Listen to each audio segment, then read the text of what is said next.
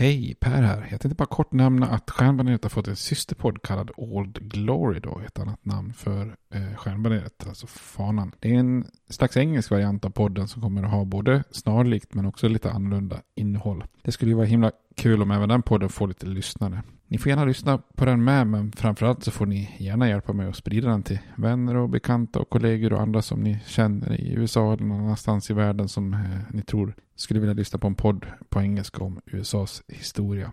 Tack, det var bara det jag ville säga. Nu kommer avsnittet. Hej då! Burrows furniture is built for the way you live. From ensuring easy assembly and disassembly to honoring highly requested new colors for their award-winning seating, they always have their customers in mind. Their modular seating is made out of durable materials to last and grow with you. And with Burrow, you always get fast, free shipping. Get up to 60% off during Burrow's Memorial Day sale at burrow.com slash ACAST. That's burrow.com slash ACAST. burrow.com slash ACAST. Mother's Day is around the corner. Find the perfect gift for the mom in your life with a stunning piece of jewelry from Blue Nile. From timeless pearls to dazzling gemstones, Blue Nile has something she'll adore. Need it fast? Most items can ship overnight. Plus, enjoy guaranteed free shipping and returns. Don't miss our special Mother's Day deals. Save big on the season's most beautiful trends. For a limited time, get up to 50% off by going to BlueNile.com. That's BlueNile.com. There's never been a faster or easier way to start your weight loss journey than with PlushCare. PlushCare accepts most insurance plans and gives you online access to board-certified physicians who can prescribe FDA-approved weight loss medications like Wigovi and Zepbound for those who qualify. Take charge of your health and speak with a board-certified physician about a weight loss plan that's right for you. Get started today at plushcare.com slash weight loss. That's plushcare.com slash weight loss. plushcare.com slash weight loss.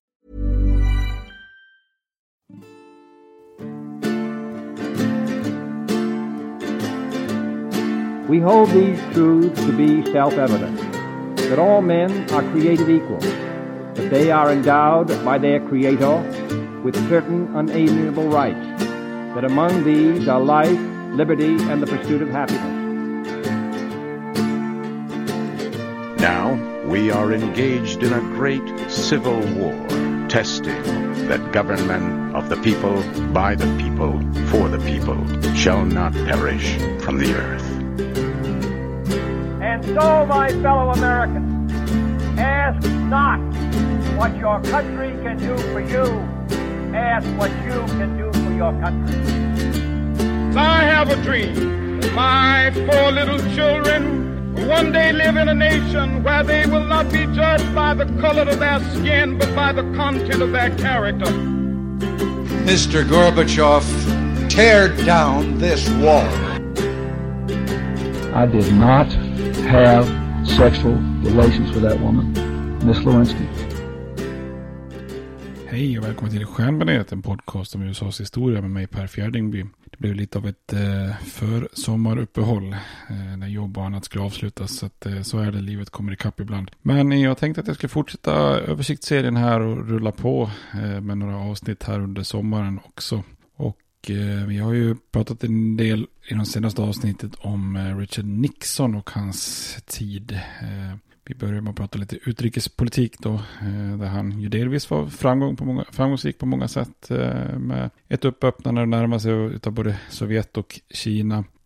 I senaste avsnittet så pratar vi lite grann om Nixons inrikespolitik eh, präglad av lite pragmatism och där han försöker att eh, vinna över konservativa krafter och eh, hur han försöker rikta sig till det han kallar för den tysta majoriteten, de som inte protesterar och eh, försöker eh, förändra samhället där på 60-70-talet och eh, hur han då försöker bilda sig en bred väljarbas utifrån det här. Och det såg vi också hur det lyckades ganska föll, alltså föll väl ut i, i presidentvalet 1972 då. Han eh, gjorde ju en riktig stor slam där när han eh, vinner presidentvalet 72 där. Eh, han vinner ju då eh, elektorsrösterna i alla delstater utom Massachusetts och även då i huvudstadsdistriktet och eh, är ju en av de eh, främsta eller största segrar som någon president någonsin har lyckats orkestrera då.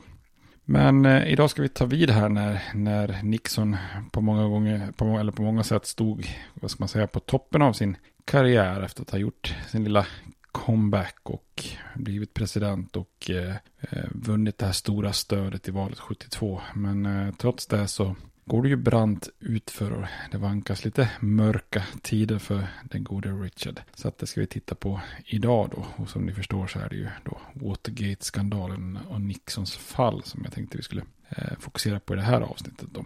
Det finns ju jättemycket mycket poddar och böcker om just Watergate-skandalen. Och det sättet eh, ni säkert hört mycket tidigare så att säga. Jag ska försöka göra en, ska man säga, en balanserad bild av händelseförloppet och, och lite analyser och, och sådär. Så eh, det blir fokus på framförallt Watergate-skandalen i det här avsnittet.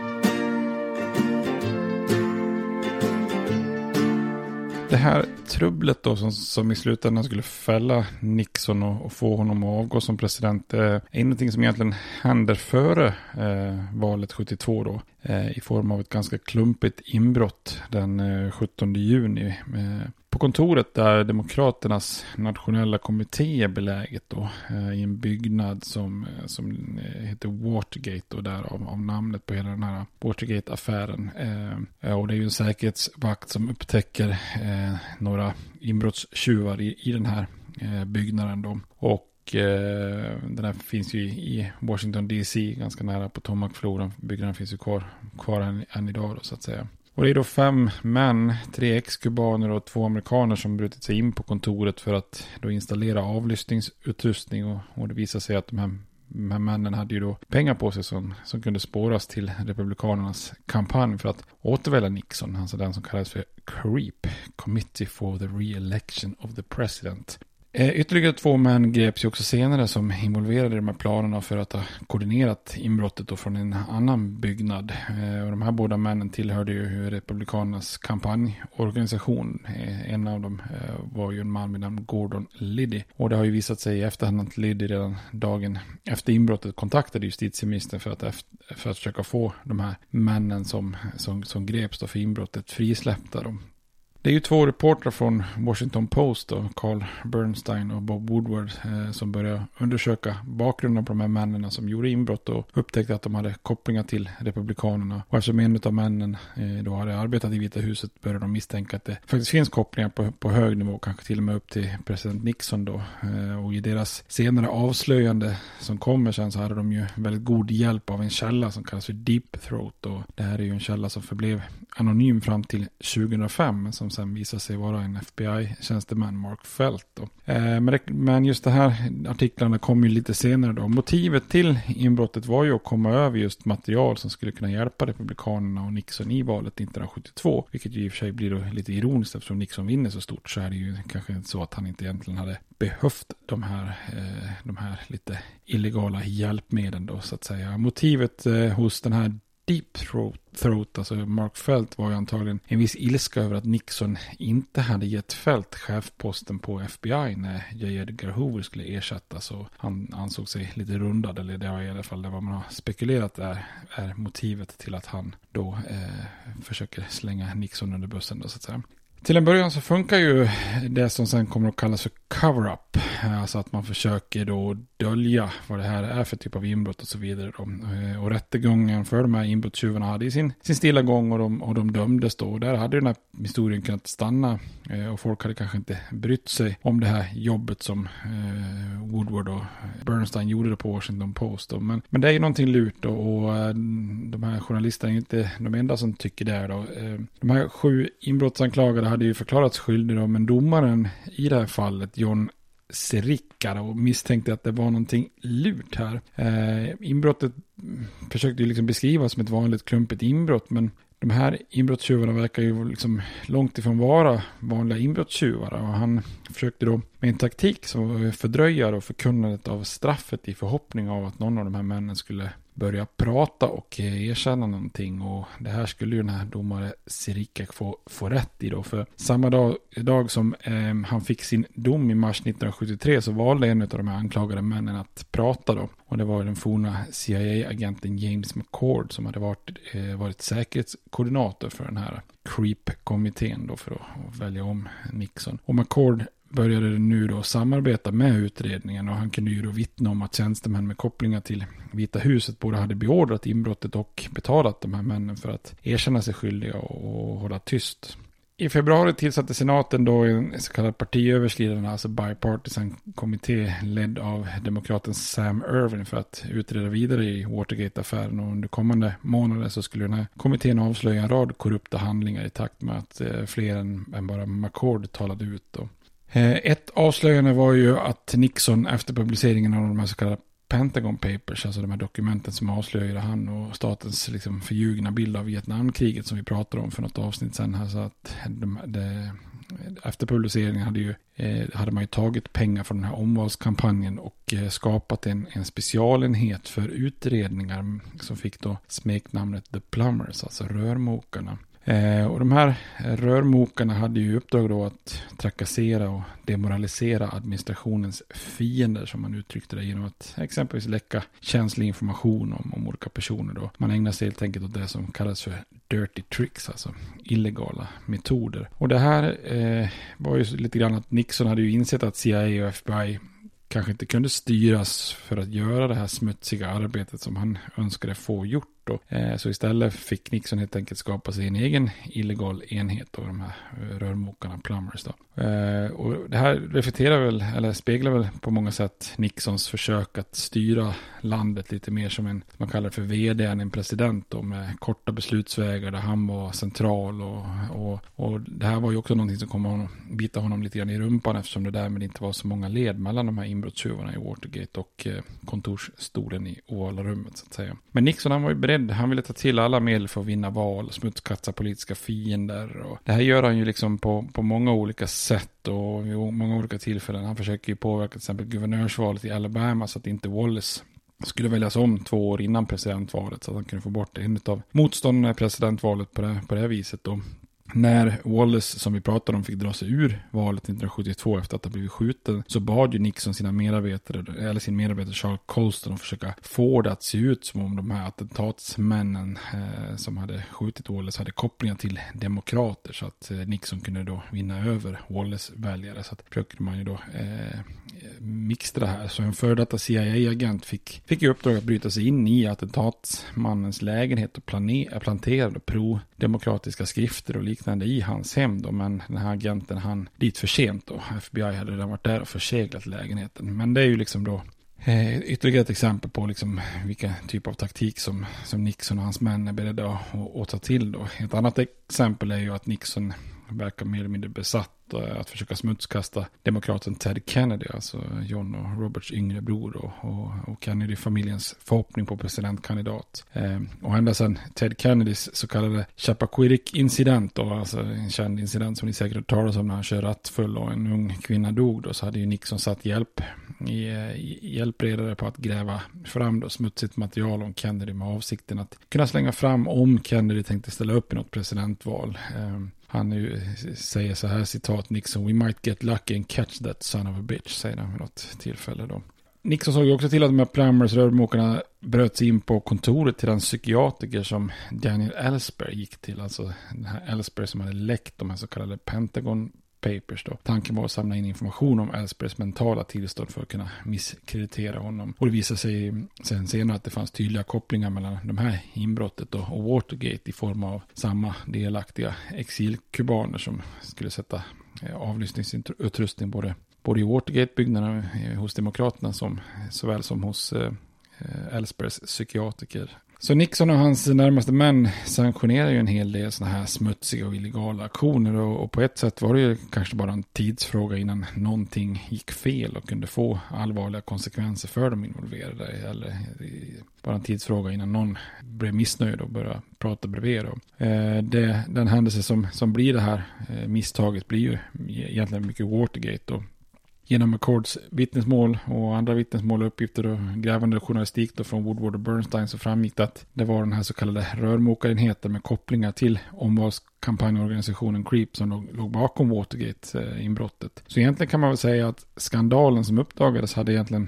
två skilda aspekter. Den ena, den ena skandalen var det här allmänna maktmissbruket och smutsiga illegala metoder som både Nixons kampanjkommitté och Vita huset använder och där Watergate-inbrottet var, var bara en pusselbit av många. Men den andra skandalen var ju egentligen administrationens sätt att försöka dölja och undanröja och liksom påverka alla de här utredningarna som handlade om Watergate. Och det här beteendemönstret fick ju snabbt den här benämningen cover-up. Och den här cover-upen inleddes ju direkt efter inbrottet när Nixon och hans män valde att från den stunden göra allt för att dölja och undanröja och, och leka oskyldiga då så att säga.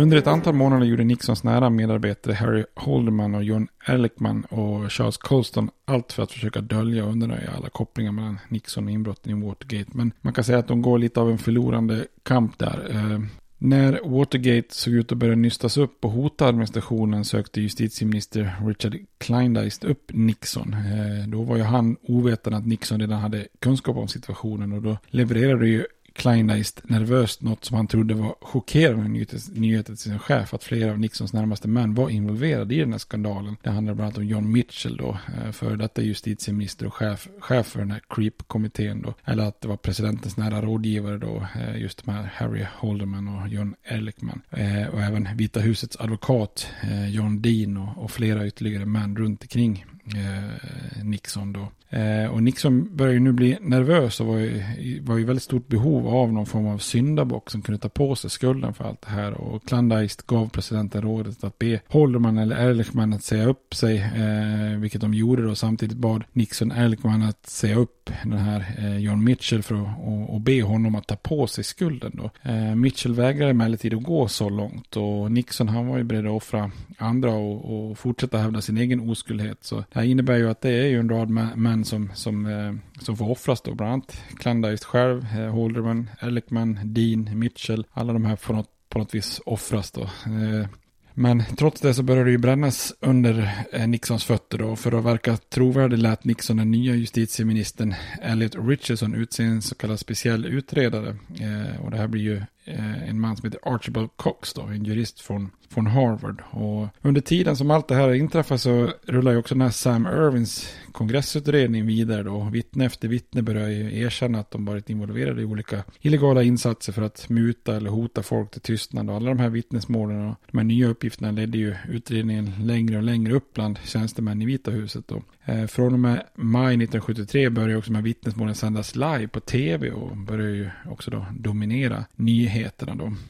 I juni 1973 så kom ju en viktig händelse för då vittnar ju då John Dean, eh, en av Vita husets advokater och, och liksom medlem av Nixons den här inre cirkeln. Eh, Dean hade ju tidigare varnat president Nixon att den så kallade cover-upen var en, som han sa, cancer on the presidency. Eh, men nu hade ju då Dean offrats av Nixon, Nixon hade ju inte längre något jobb och han var inte beredd att helt enkelt att ta skulden för sin forna chef. Så nu vittnar ju då Dean själv under ed om att presidenten faktiskt kände känt till försöken att dölja Watergate-operationen eh, så tidigt som i september 1972. Att presidenten pratat med honom om utbetalningar av så kallade hush money, alltså vad man skulle kunna kalla det på svenska knipa käften-pengar då. Eh, att man försöker se till att folk håller tyst med, med mutor då. Och det här Dins vittnesmål var ju makabert då, 245 sidor långt när det var nedskrivet och föreföll ju väldigt trovärdigt av och av då en person som befunnit sig runt Nixon i Vita huset och i juni 1973 så visar ju en undersökning att bara 17% av amerikanerna trodde att presidenten faktiskt talade sanning. Eh, men det som saknas var ju såklart konkreta bevis på presidentens skuld. Och det är ju någonstans här som skandalen kunde ha tagit slut. Då. Det amerikanska folket hade ju kunnat fått sväva i, i ovisshet om huruvida Nixon var skyldig eller inte och huruvida eh, Dean då pratar sanning om att presidenten kände till det här eller inte. Då.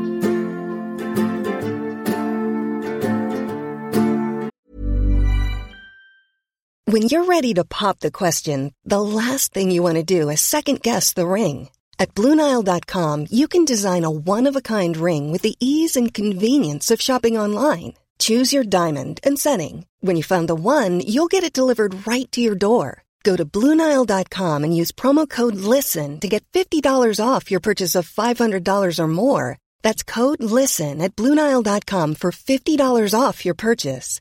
Bluenile.com code LISTEN. Burrow's furniture is built for the way you live. From ensuring easy assembly and disassembly to honoring highly requested new colors for their award winning seating, they always have their customers in mind. Their modular seating is made out of durable materials to last and grow with you. And with Burrow, you always get fast, free shipping. Get up to 60% off during Burrow's Memorial Day sale at burrow.com slash ACAST. That's burrow.com slash ACAST. burrow.com slash ACAST.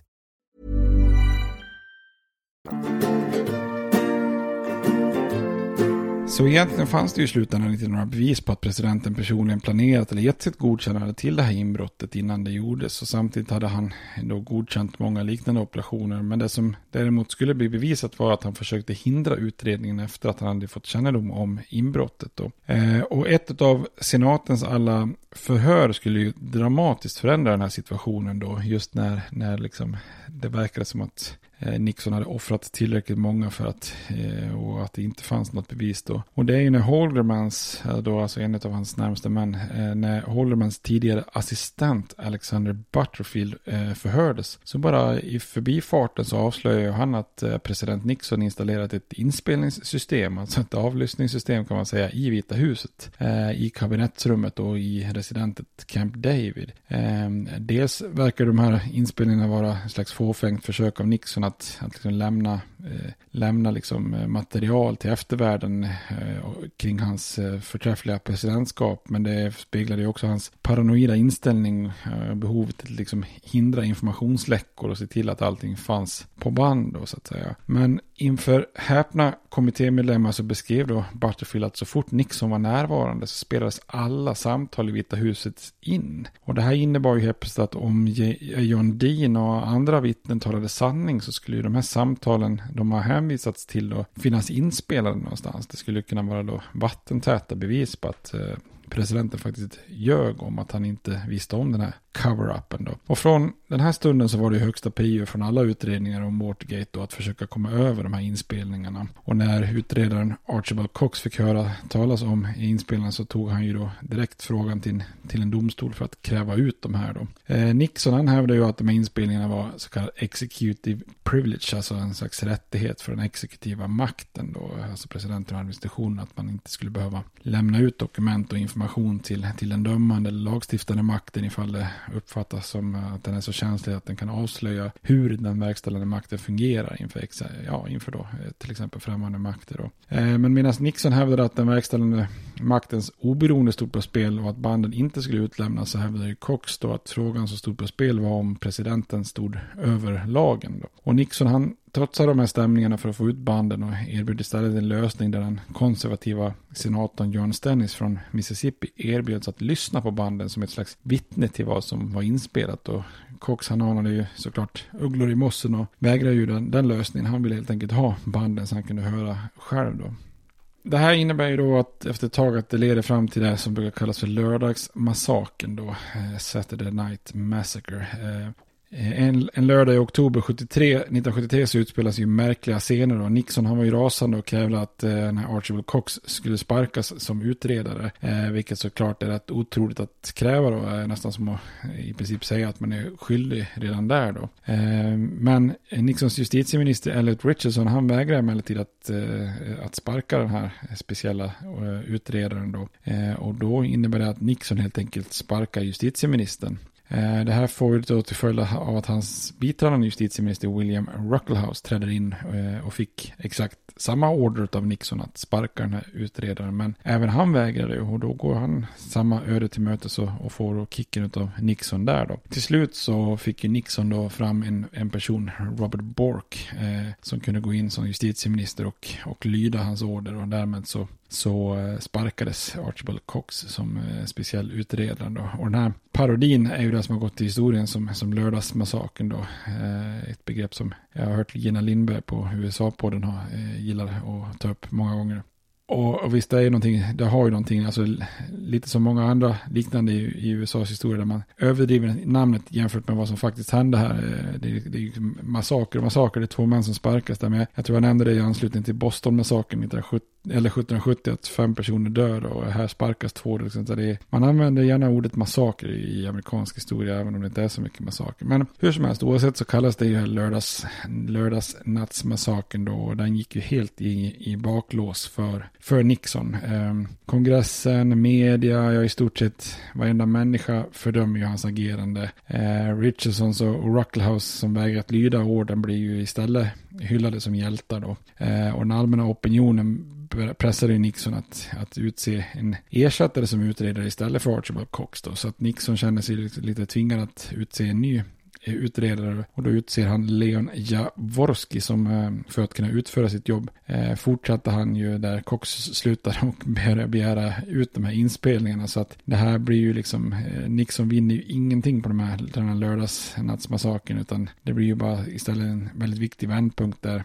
Stödet för, för Nixon i opinionsundersökningarna bara fullständigt störtdök då med, med all rätt då. Så Nixons position blev ju, blev ju också värre av en parallell skandal som involverade hans vicepresident Spiro Agnew. Eh, det är ju en utredning som visar att Agnew tagit emot mutor och gjort andra korrupta saker, både som Marylands guvernör och som vicepresident. Och i utbyte mot att justitiedepartementet inte drev anklagelserna vidare så gick Agnew med på att eh, fällas för, en min, för ett mindre skattebrott och, och också då avgå som vicepresident. Och tidigare har ju oftast vicepresidentposten bara varit vakant om vicepresidenten hade gått vidare liksom och hindra eh, ersatt presidenten då om presidenten hade gått bort eh, eller att man då bara avgått som eh, Agno eller att man hade dött som vicepresident. Men det 25 tillägget till konstitutionen från 1967 hade skapat ett system där en ny vicepresident utsågs om den den gamla vicepresidenten försvann av någon anledning då. Eh, och det gör ju då att Nixon nominerade eh, representanthusets populära minoritetsledare Gerald Ford från Michigan som ny vicepresident och han blir då godkänd av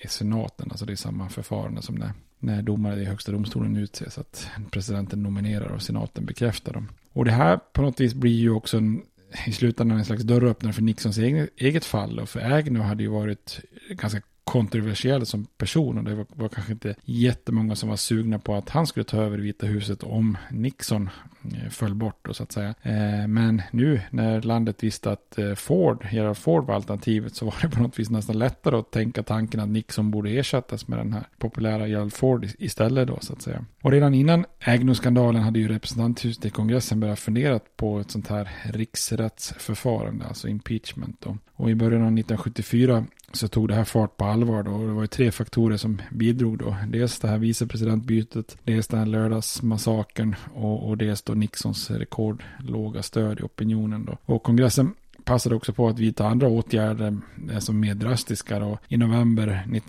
73 så röstade man till exempel igenom den här War Power Resolution eh, över presidentens veto då, som gjorde att eh, det var ju att många inom kongressen hade retat sig på både president Johnson och, och Nixons arrogans i hur de styrde Vietnamkriget. Då. En sak som retade vissa var den här Tonkinbuktsresolutionen som jag pratat om tidigare som hade gett dem väldigt fria händer att eskalera ett krig som inte kongressen hade, hade liksom deklarerat. Då. Och enligt konstitutionen så var det kongressen kongressen och inte presidenten som fattade beslut om krig såvida inte USA anfölls då. Att låta landet gå in i ett krig utomlands såg inte, sågs inte som en presidentbefogenhet i konstitutionen och samtidigt ville man inte den här nya resolutionen helt bakbinda presidenten om, om kriser uppstod, uppstod. Så den här nya War Power Resolution innebar att presidenten enbart hade befogenhet att skicka trupper i krig under 60 dagar. Därefter måste kongressen fatta beslut då. Men för en president som Nixon som gärna tummade på legala krav och misstänksamt eh, vaktade sin, sin egen rätt att föra utrikespolitik så hade ju kanske kongressen inte kunnat bestraffa honom mer än, än, än möjligtvis med, med riksrätt då. Så att den här War Power Resolution var ju ett, en, ett, ett tydligt straff riktat mot Nixon då.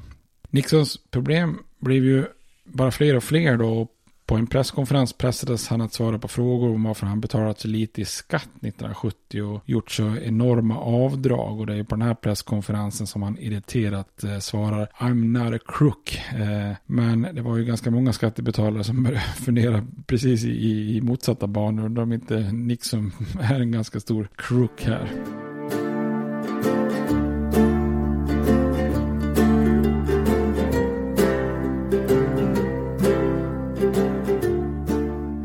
Samtidigt som kongressen var på krigsstigen så försökte ju Nixon motsätta sig och neutralis neutralisera med stämningar för att få ut med inspelningarna från Vita huset och de här bandinspelningarna. Han gjorde det genom att lämna ifrån sig utskrifter från ett antal centrala konversationer och hävdade då att de här utskrifterna var ju bevis för att han var oskyldig. Så totalt 1200 sidor eh, lämnar han ut då. Men utredare och den allmänna opinionen höll ju inte med. De fortsätter att kräva ut inspelningarna. De, de vill ju verkligen ha ut själva banden, eh, ljudet. Och i slutändan så de här utskrifterna som Nixon hade tänkt skulle neutralisera, de skadar honom ytterligare också. För där svart på vitt så fanns ju mängder med, alltså man strök svordomar i det här materialet när man lämnade ut de här utskrifterna. Och där var det ju liksom, eh, stod det på svart på vitt att han hade ju mängder med svordomar som var strukna. Eh, och vissa hade de kanske missat det där. De här presidentens konversationer var ju oftast kanske riktade med, med väldigt fula ord riktade mot minoriteter och andra. Så att eh, det här gjorde kanske inte att folk folk tyckte att Nixon verkar vara en,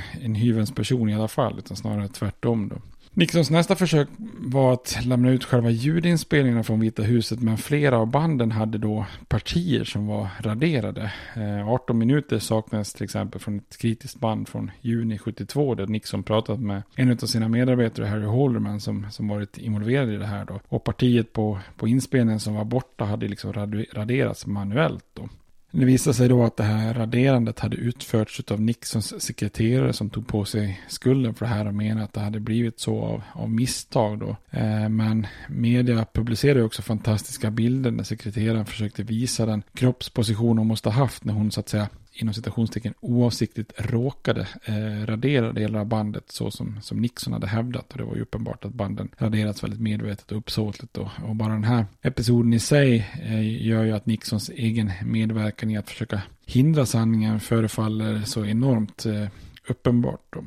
Och i en viktig dom då i högsta domstolen i fallet United States versus Richard M. Nixon så var ju domarna till slut eniga om att presidenten inte kunde hävda executive privilege och man behövde helt enkelt lämna ut inspelningarna till den här särskilda utredaren Jarovski. Och bara några dagar senare efter den här högsta domstolens utslag så röstade också representanthusets juridiska utskott att rekommendera då tre paragrafer för att åtala presidenten i en riksrätt. Då. Och när alla de här inspelningarna till slut fanns tillgängliga hade ju då utredaren sin, som man sa på den här tiden, smoking gun då, alltså direkta bevis på att presidenten varit involverad i den här cover-upen av Watergate. Och precis som John Dean vittnat tidigare då så hade ju presidenten personligen varit involverad och bara tre dagar efter att inbrottet kunde man höra hur Nixon beordrade FBI, äh, FBI att sluta utreda brottet i Watergate och det visade sig också att han godkänt utbetalningar av totalt 460 000 dollar för att muta folk och hålla tyst då, så att säga. Så Nixon, Nixon var ju skyldig precis som många misstänkte då. För Nixons egna öde så spelade egentligen, egentligen inte bandet till slut någon avgörande roll. Och kongressen skulle ju gå vidare med riksrätt. Och det stod klart att Nixons presidentskap var, var över. Det enda som kvarstod var ifall han skulle avgå själv eller om han skulle fällas i en riksrätt. Och, och republikanska ledamöter med Barry Goldwater i spetsen besökte presidenten i Vita huset och meddelade att det var högst troligt att kongressens eh, senat skulle fälla Nixon i den planerade riksrätten. Han hade liksom inte, inte ens tillräckligt med republikaner bakom sig för att, eh, för att bli friad i en riksrätt. Då. Och det här gör ju att det står klart att han med största sannolikhet kommer att bli avsatt i riksrätten då. Efter att ha våndats några dagar i Vita huset så höll till slut Nixon ett tal den 8 augusti 1974 där han offentliggjorde sin avgång då. Eh, och det här är ju med i, i outrot på, på podden faktiskt. Då. Och in i det sista så vägrade Nixon att erkänna någon skuld och i det talet sa han I would say only that if some of my judgments were wrong and some were wrong They were made in what I believed at the time to be the best interest of the nation. Vilket ju också är lite häpnadsväckande. Att trots att han eh, har gjort så mycket, mycket fel och uppsåtligt eh, illegala, eh, stött illegala saker så, så, så tyckte han liksom fortfarande inte på något vis att det, det, var fel i sig. Utan att han hade kanske lite dåligt omdöme bara men att han ju faktiskt bara agerat i det bästa intresset för, för nationen. Då. Dagen efter så flög ju Nixon och hans familj hem till Kalifornien och den här nya vicepresidenten Gerald Ford svors in då som ny president och hade ju ganska snabbt då hoppat upp en nivå från, från vicepresident till, till president då poddens outer har ju faktiskt två citat som knyter an till detta. Inte bara Nixons avgång utan det andra är ju representant, representanthusmedlemmen Barbara Jordan som menar att Nixon är så skyldig att om senaten inte dömer honom för riksrätt så kan man ju lika gärna köra konstitutionen i en dokumentförstörare då.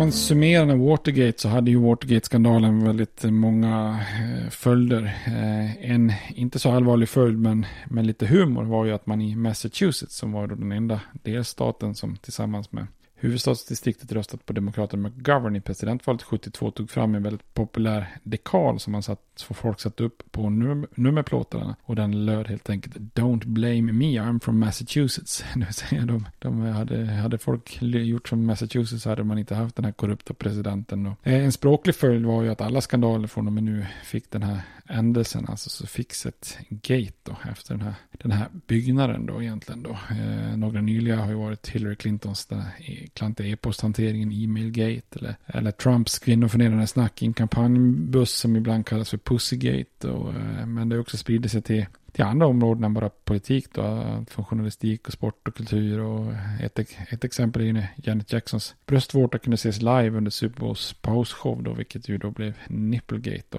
Men på ett seriösare plan så hade ju Watergate, eh, Watergate-skandalen ehm, långtgående följder. Eh, just där och då kanske det var många som bara drog en slags lättnadens suck över att det var över. Eller som den nya presidenten Ford eh, uttryckte det sen. Our long national nightmare is over. Som han uttryckte det, eh, tror jag, i installationstalet. Då. Men den här lättnaden var ju också kortvarig då. För Watergate skadar ju förtroendet för politiker väldigt illa då. USA är ju och har ju varit ett samhälle som redan i grunden eh, ofta har en ganska cynisk misstro på politiska ledare och maktinstitutioner. Och det är ju så USA en gång i tiden föddes med den här misstron mot Storbritannien och, och, och kungamakten. Alltså Nixons fall blev för många en slags bekräftelse som, är, som fördjupar den här misstron ytterligare. Då.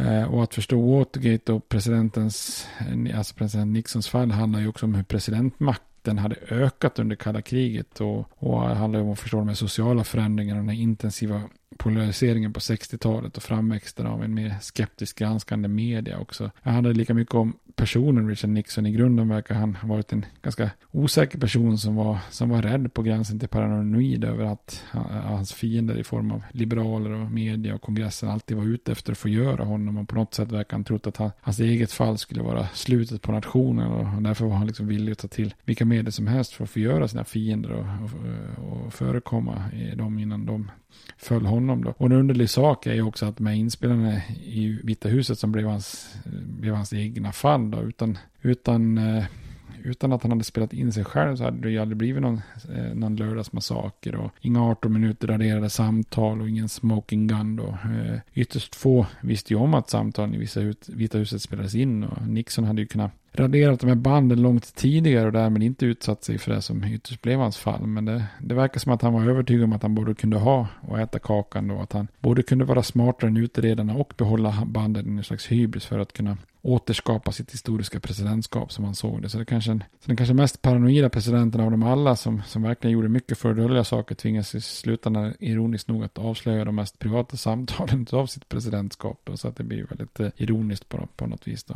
Ska man summera också Nixons presidentskap så han vann ju en ganska tydlig seger i presidentvalet. Eller vad säger jag, inte en tydlig, en jämn seger, ett jämnt val, presidentvalet 68 det, som hade varit en lite grann av en reaktion mot all den här turbulensen och kaoset som hade byggts upp under 60-talet. Och, och valet 68 visade ju att en majoritet av det amerikanska folket ville ha lite mer konservativ stabilitet och, och ordning igen då. Och det amerikanska samhället eh, var ju i slutet av 60-talet och början av 70-talet väldigt delat. Och Nixon hade ju kommit till makten precis när ungdomarnas motkultur och den nya vänstern pikade och ett antal minoriteter som mest högljutt krävde sina rättigheter. Och Nixon han gick ju till val på skaparna stabiliteten och ordningen och eh, att ena landet och avsluta Vietnamkriget. Men på många sätt kan man ju istället med facit i hand se att situationen snarare förvärrades. Den här motkulturen och protesterna fortsatte ju att dela landet och kriget avslutades inte som man hade lovat och protesterna eh, snarare ökar ju mot kriget. Och dessutom blev ju Nixon själv en viktig orsak till att liksom urholka förtroendet för staten och splittra landet ytterligare trots liksom flera politiska framgångar och trots att han då valdes om med ett enormt tydligt mandat 1972 så skulle ju hans eh, paranoida inställning bidra till landets värsta politiska skandal någonsin då. Watergate-skandalen skulle ju fullständigt dominera hans sista två år som, som president. Så trots att han vunnit en av de största segrarna i presidentvalets historia så tvingas han avgå bara två år senare. Så det ser man ju fort, hur fort man kan nå sin topp och hur fort man kan nå sin botten då så att säga. Watergate-skandalen med sina rötter i Nixons personlighet, hans eh, politiska cynism förvandlar liksom USA till ett ännu mer cyniskt land på många sätt då. Så att, eh, och som vi kommer att se så Nixons presidentskap är en liten brygga över mot en mer konservativ eh, tidsperiod. Men eh, det tar vi i avsnitten som kommer här när vi ska se lite grann hur USA ser ut under resterande delen av 70-talet och eh, hur, hur vi har president Gerald Ford och Jimmy Carter. Och vi kommer också titta lite mer närmare på den här uppsvinget av de konservativa krafterna också. Men eh, mer om det framöver. Tills dess så får ni ha det bra. Hej då! States like these and their terrorist allies constitute an axis of evil. And if the hippies and the yippies and the disruptors of the systems that Washington and Lincoln as presidents brought forth in this country will shut up and work within our free system of government, I will lower my voice. If the impeachment provision in the Constitution of the United States will not reach the offenses charged here, then perhaps that 18th century Constitution should be abandoned to a 20th century paper shredder. Therefore, I shall resign the presidency effective at noon tomorrow.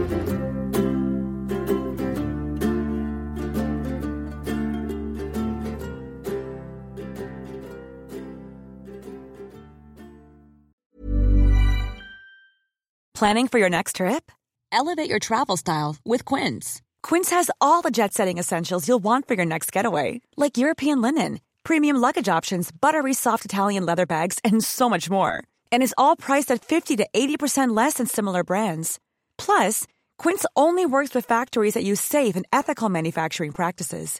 Pack your bags with high-quality essentials you'll be wearing for vacations to come with Quince. Go to quince.com slash pack for free shipping and 365-day returns. When you make decisions for your company, you look for the no-brainers. And if you have a lot of mailing to do, stamps.com is the ultimate no-brainer. It streamlines your processes to make your business more efficient, which makes you less busy. Mail checks, invoices, legal documents, and everything you need to keep your business running with Stamps.com.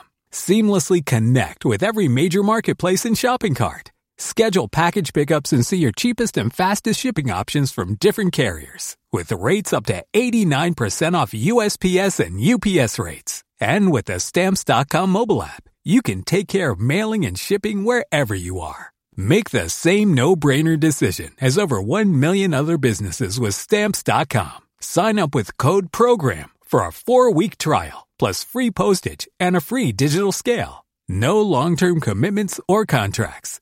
That's stamps.com. Code program.